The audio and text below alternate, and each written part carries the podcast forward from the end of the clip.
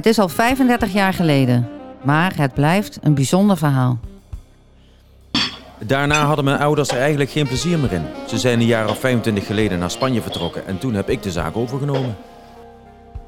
Een gebeurtenis in 1988 houdt de gemoederen in het Nierstadje tot op vandaag bezig. Wie hield wat verborgen en waarom?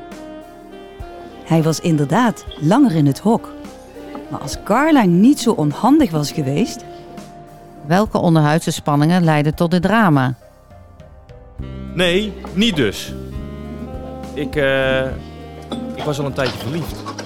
Smoorverliefd. Ik ben geloof ik nog steeds boos.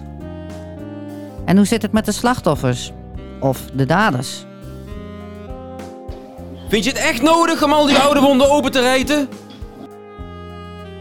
Ineens, dan zie je een soort... eh, ja, een zwerver. Er hoorde nergens meer bij.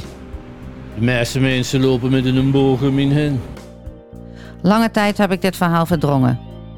Maar bij het overlijden van oom Gerard kwam alles weer boven en kreeg ik de behoefte, wat zeg ik, drang, om voor eens en voor altijd uit te zoeken wat er toen precies gebeurd is. Ach, stel je niet aan. Het is zo lang geleden. Waarom zouden we dat oude zeer weer allemaal oprakelen?